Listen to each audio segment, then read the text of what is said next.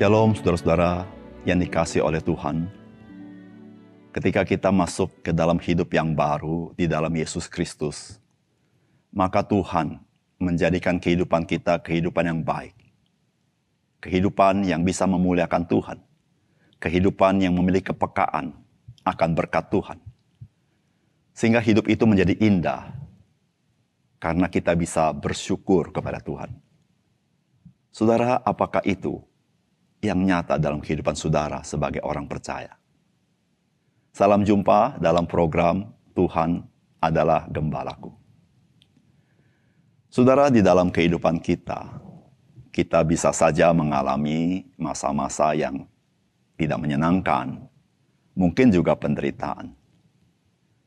Saudara, ketika kita mengalami masa seperti itu, apa yang ada di pikiran saudara? Ada orang Kristen, ketika mereka mengalami masa-masa sulit dan penderitaan, yang ada dalam pikiran mereka adalah mereka mengingat masa-masa sebelum mereka percaya Tuhan Yesus. Mereka merasa kehidupan sebelum mereka percaya Tuhan Yesus lebih baik, lebih menyenangkan dibandingkan ketika mereka menjadi orang percaya. Dan ada juga orang-orang Kristen. Ketika mereka mengalami penderitaan dan kesulitan, mereka berhenti. Mereka tidak lagi mau mengikuti Tuhan dengan baik. Mereka mau hidup seperti hidup yang lama. Tidak lagi mau hidup sebagai umat Tuhan. Saudara pertanyaan seperti ini. Apakah betul bahwa seorang Kristen tidak boleh menghadapi kesulitan? Apakah betul bahwa Tuhan tidak boleh mengizinkan orang Kristen mengalami penderitaan? Setelah mari kita membaca firman Tuhan dari keluaran pasal 16. Setelah mereka berangkat dari Elim, tibalah segenap jemaah Israel di padang gurun Sin yang terletak di antara Elim dan Gunung Sinai. Pada hari yang ke-15 bulan yang kedua, sejak mereka keluar dari tanah Mesir. Di padang gurun itu bersungut-sungutlah segenap jemaah Israel kepada Musa dan Harun dan berkata kepada mereka, Ah, kalau kami mati tadinya di tanah Mesir oleh tangan Tuhan, ketika kami duduk menghadapi kuali berisi daging dan makan roti sampai kenyang. Sebab kamu membawa kami keluar ke padang gurun ini untuk membunuh seluruh jemaah ini dengan kelaparan. Lalu berfirmanlah Tuhan kepada Musa, sesungguhnya aku akan menurunkan dari langit hujan roti bagimu, maka bangsa itu akan keluar dan memungut tiap-tiap hari sebanyak yang perlu untuk sehari. Supaya mereka kucoba apakah mereka hidup menurut hukumku atau tidak. Dan pada hari yang keenam, apabila mereka memasak yang dibawa mereka pulang, maka yang dibawa itu akan terdapat dua kali lipat banyaknya daripada yang dipungut mereka sehari-hari. Sesudah itu berkatalah Musa dan Harun kepada seluruh orang Israel, petang ini kamu akan mengetahui bahwa Tuhanlah yang telah membawa kamu keluar dari tanah Mesir. Dan besok pagi kamu melihat kemuliaan Tuhan, karena ia telah mendengar sungut-sungutmu kepadanya. Sebab apalah kami ini, maka kamu bersungut-sungut kepada kami. Lagi kata Musa, jika memang Tuhan yang memberi kamu makan daging pada waktu petang dan makan roti sampai kenyang pada waktu pagi, karena Tuhan telah mendengar sungut-sungutmu yang kamu sungut-sungutkan kepadanya. Apalah kami ini? Bukan kepada kami sungut-sungutmu, tetapi kepada Tuhan. Kata Musa kepada kepada Harun. Katakanlah kepada segenap jemaah Israel. Marilah dekat ke hadapan Tuhan, sebab ia telah mendengar sungut-sungutmu. Dan sedang Harun berbicara kepada segenap jemaah Israel, mereka memalingkan mukanya ke arah padang gurun, maka tampaklah kemuliaan Tuhan dalam awan. Lalu berfirmanlah Tuhan kepada Musa, Aku telah mendengar sungut-sungut orang Israel, katakanlah kepada mereka, pada waktu senja kamu akan makan daging dan pada waktu pagi kamu akan kenyang makan roti. Maka kamu akan mengetahui bahwa akulah Tuhan Allahmu. Pada waktu petang datanglah berduyun-duyun burung puyuh yang menutupi perkemahan itu dan pada waktu pagi terletaklah embun sekeliling perkemahan itu. Ketika embun itu telah menguap, tampaklah pada permukaan padang gurun sesuatu yang halus, sesuatu seperti sisik, halus seperti embun beku di bumi.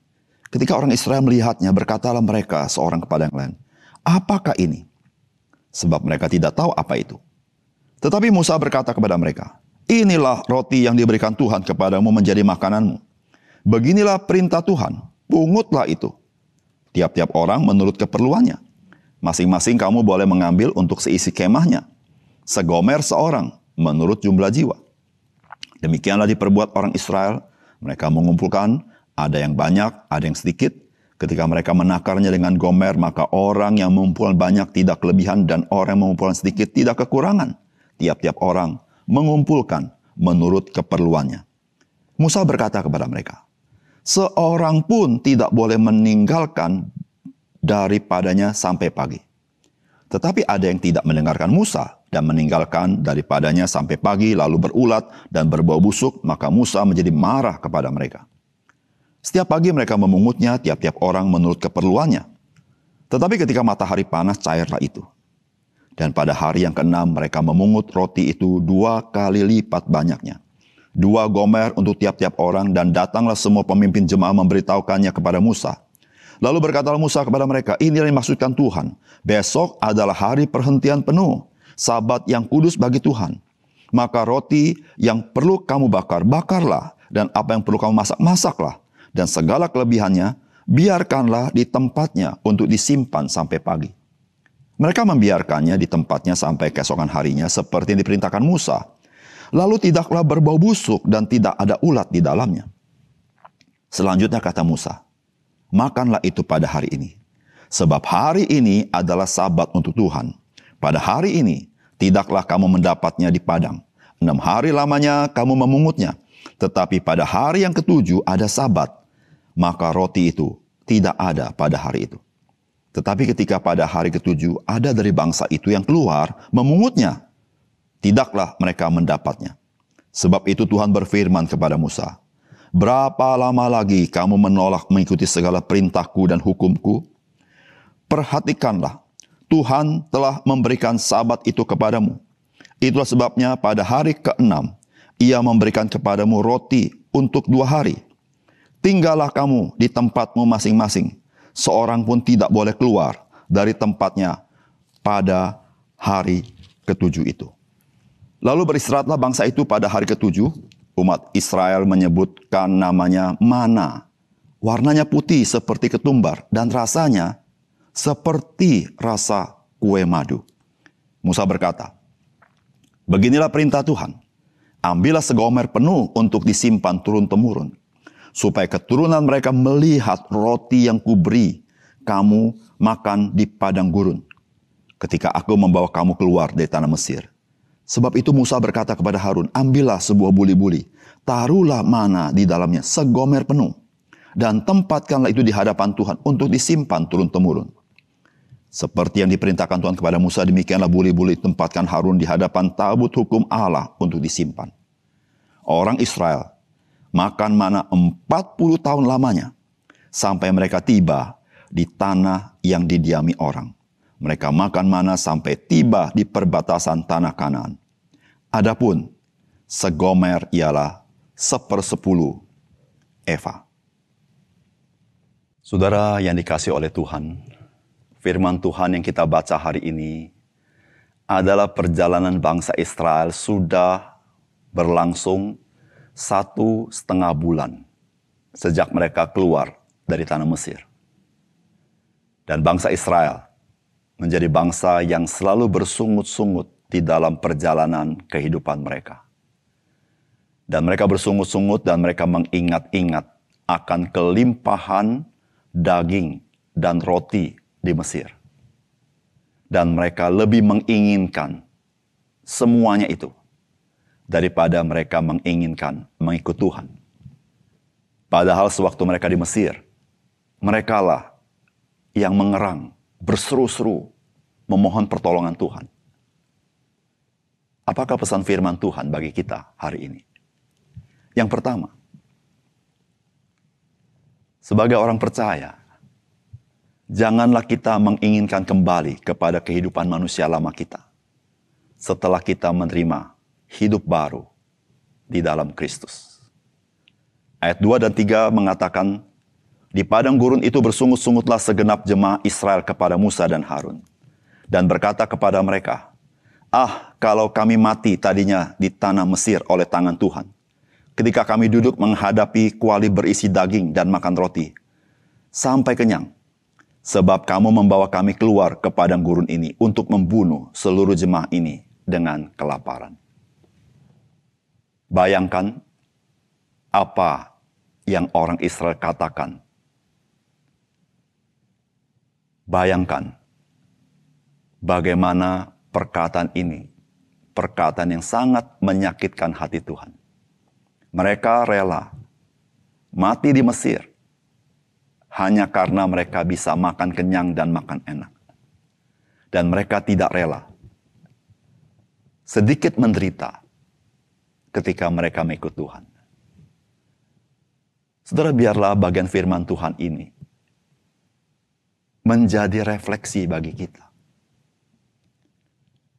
Apakah kita sebagai orang percaya memiliki pikiran seperti bangsa Israel? Mencintai hidup yang lama. Bahkan rela mati demi hidup yang lama. Yaitu hidup di dalam dosa. Namun ketika kita mengalami sedikit kesulitan, sedikit penderitaan karena kita ikut Tuhan, kita tidak rela. Saudara sebagai orang percaya, marilah kita tidak menyakiti hati Tuhan. Dengan merindukan kembali hidup yang lama itu. Dengan berkata bahwa hidup yang lama lebih baik daripada hidup yang baru.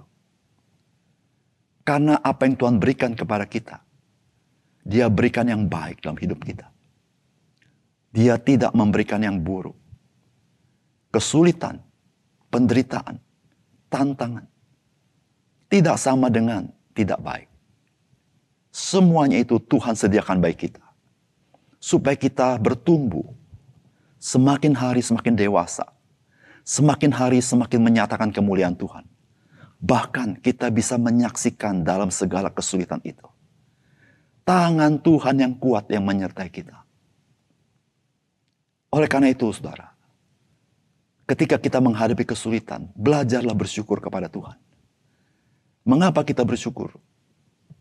Kita bersyukur, kita menghadapi kesulitan saat kita sudah berada dalam hidup yang baru.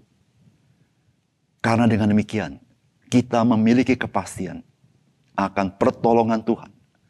Kita memiliki kepastian akan rancangan Tuhan yang baik. Segala kesulitan, penderitaan, kita tahu di dalam Tuhan tidak pernah sia-sia. Yang kedua, saudara firman Tuhan mengajar kepada kita Tuhan itu mendengar apa yang kita gumulkan. Oleh sebab itu janganlah kita bersungut-sungut. Melainkan marilah kita datang ke hadirat Tuhan di dalam doa dan permohonan kepadanya. Saudara itu dikatakan di ayat 8. Lagi kata Musa, jika memang Tuhan yang memberi kamu makan daging pada waktu petang dan makan roti sampai kenyang pada waktu pagi, karena Tuhan telah mendengar sungut-sungutmu yang kamu sungut-sungutkan kepadanya. Apalah kami ini? Bukan kepada kami sungut-sungutmu itu, tetapi kepada Tuhan. Saudara-saudara, apa yang kita katakan, apa yang kita ucapkan, apa yang ada di dalam hati kita, sungut-sungut kita, kekesalan kita, amarah kita, kekecewaan kita. Saudara, Tuhan mendengarkannya. Tuhan menjadi saksi apa yang kita ucapkan. Itu yang Musa katakan. Ketika bangsa Israel bersungut-sungut, bukan bersungut-sungut kepada Musa dan Harun. Meskipun mereka berbicara kepada Musa dan Harun. Tetapi sungut-sungut mereka sampai di hadirat Tuhan. Dan kita bersyukur, Tuhan penuh kasih karunia. Tuhan bisa saja murka, membinasakan mereka. Tetapi Tuhan penuh kasih karunia. Bayangkan saudara. Apa yang mereka butuhkan? Mereka butuh daging, Tuhan kirimkan. Mereka butuh roti, Tuhan kirimkan. Dan Musa berkata, kalau kamu terima semuanya itu, karena Tuhan mendengar sungut-sungutmu. Saudara yang kasih dalam Tuhan. Bukankah lebih baik kita datang kepada Tuhan dengan hormat, dengan kasih di dalam doa kita kepadanya. Daripada kita bersungut-sungut. Bukankah kita mengenal Bapa di sorga, Bapa yang baik. Bapa yang sayang dengan anak-anaknya. Kita mengenal juru selamat kita yang rela mati menanggung dosa kita. Yang menyerahkan seluruhnya bagi hidup kita. Kita mengenal roh kudus yang tidak pernah meninggalkan kita. Memberikan sukacita, damai sejahtera dalam hidup kita. Bahkan memberikan kelimpahan dalam hidup kita. Apatah kebaikan Tuhan patut dibalas dengan sungut-sungut kita. Saudara-saudara yang kasih dalam Tuhan. Tuhan dengar apa yang kita katakan. Marilah saudara, ketika kita ada pergumulan, kita datang kepadanya dengan kasih. Karena kita orang percaya, kita mengenal Tuhan kita. Dan Tuhan mengenal kita. Yang ketiga, saudara firman Tuhan hari ini mengajar kepada kita. Janganlah kita menjadikan berkat Tuhan sedemikian sehingga menjadi halangan bagi kita untuk beribadah kepada Tuhan. Saudara ayat 25 sampai 28 berkata begini. Selanjutnya kata Musa, makanlah itu pada hari ini. Sebab hari ini adalah sabat untuk Tuhan. Pada hari ini tidaklah kamu mendapatnya di padang. Enam hari lamanya kamu memungutnya. Tapi pada hari yang ketujuh ada sabat. Maka roti itu tidak ada pada hari itu. Tetapi ketika pada hari ketujuh ada dari bangsa itu yang keluar memungutnya. Tidaklah mereka mendapatnya. Sebab itu Tuhan berfirman kepada Musa, berapa lama lagi kamu menolak mengikuti segala perintahku dan hukumku? Saudara berkat Tuhan itu berkelimpahan dan cukup. Dan Tuhan menginginkan kita. Janganlah kita dibelenggu oleh berkat Tuhan sehingga kita tidak bisa beribadah kepada Tuhan. Saudara bangsa Israel, enam hari mereka boleh memungut makanan. Tetapi pada hari yang ketujuh, hari sabat, Tuhan tidak menyediakan. Untuk apa? Supaya berkat Tuhan tidak menghalangi mereka beribadah kepada Tuhan. Saudara bisa bayangkan, Ketika waktunya mereka harus beribadah kepada Tuhan, mereka sibuk memunguti berkat-berkat Tuhan itu. Mereka lupa kepada Sang Pemberi berkat. Mereka meninggalkan Sang Pemberi berkat untuk menjemput berkat-berkat Tuhan. Oleh karena itu Tuhan berkata, berapa lama lagi kamu menolak mengikuti segala perintahku dan hukumku? Saudara kita sebagai orang percaya, Janganlah berkat-berkat Tuhan menjadi penghalang bagi kita untuk kita beribadah kepada Tuhan. Utamakanlah Dia, karena Dia adalah Sang Pemberi berkat itu. Kita tidak mengutamakan berkatnya, tapi kita mengutamakan Tuhannya. Di situlah kita beribadah kepadanya. Bahkan ketika kita menerima berkat itu, kita melakukannya dengan pengabdian penuh kepada Tuhan. Bukan untuk memuaskan hawa nafsu kita. Saudara berkat Tuhan begitu baik kepada kita. Namun, ketika kita memakainya sesuai hawa nafsu kita, berkat itu bisa menjadi kutuk dalam hidup kita. Bukan karena berkat itu tidak baik, namun dosa-dosa yang kita lakukan melalui berkat itu akan kembali menjadi sesuatu yang tidak baik dalam hidup kita. Berbahagialah kita yang selalu mengutamakan Tuhan. Dengan demikian, berkat yang baik tetap baik dalam hidup kita. Mari kita berdoa. Bapak surga terima kasih untuk kebahagiaan firman Tuhan yang begitu indah yang kami belajar hari ini. Bagaimana Tuhan engkau mendengar apa yang dikeluhkan dalam hati kami, apa yang diucapkan dalam bibir kami. Ya Tuhan bantu kami ketika kami sadar akan hal itu. Kami dengan hormat datang kepada Tuhan dalam doa dan permohonan kami. Karena kami mengenal Bapa yang di surga, Bapa yang baik. Bapa yang tidak memberikan yang jahat kepada kami. Bapa yang mau mendengar seluruh doa kami. Ya Tuhan, biarlah Engkau tolong kami. Supaya kami sungguh-sungguh mengutamakan Engkau daripada yang lain. Karena berkat yang kau berikan kepada kami memberitahukan Tuhan peduli kepada kami.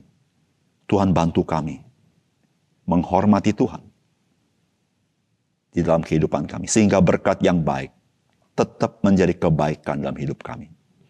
Terima kasih untuk firman Dalam nama Tuhan Yesus kami berdoa. Amin.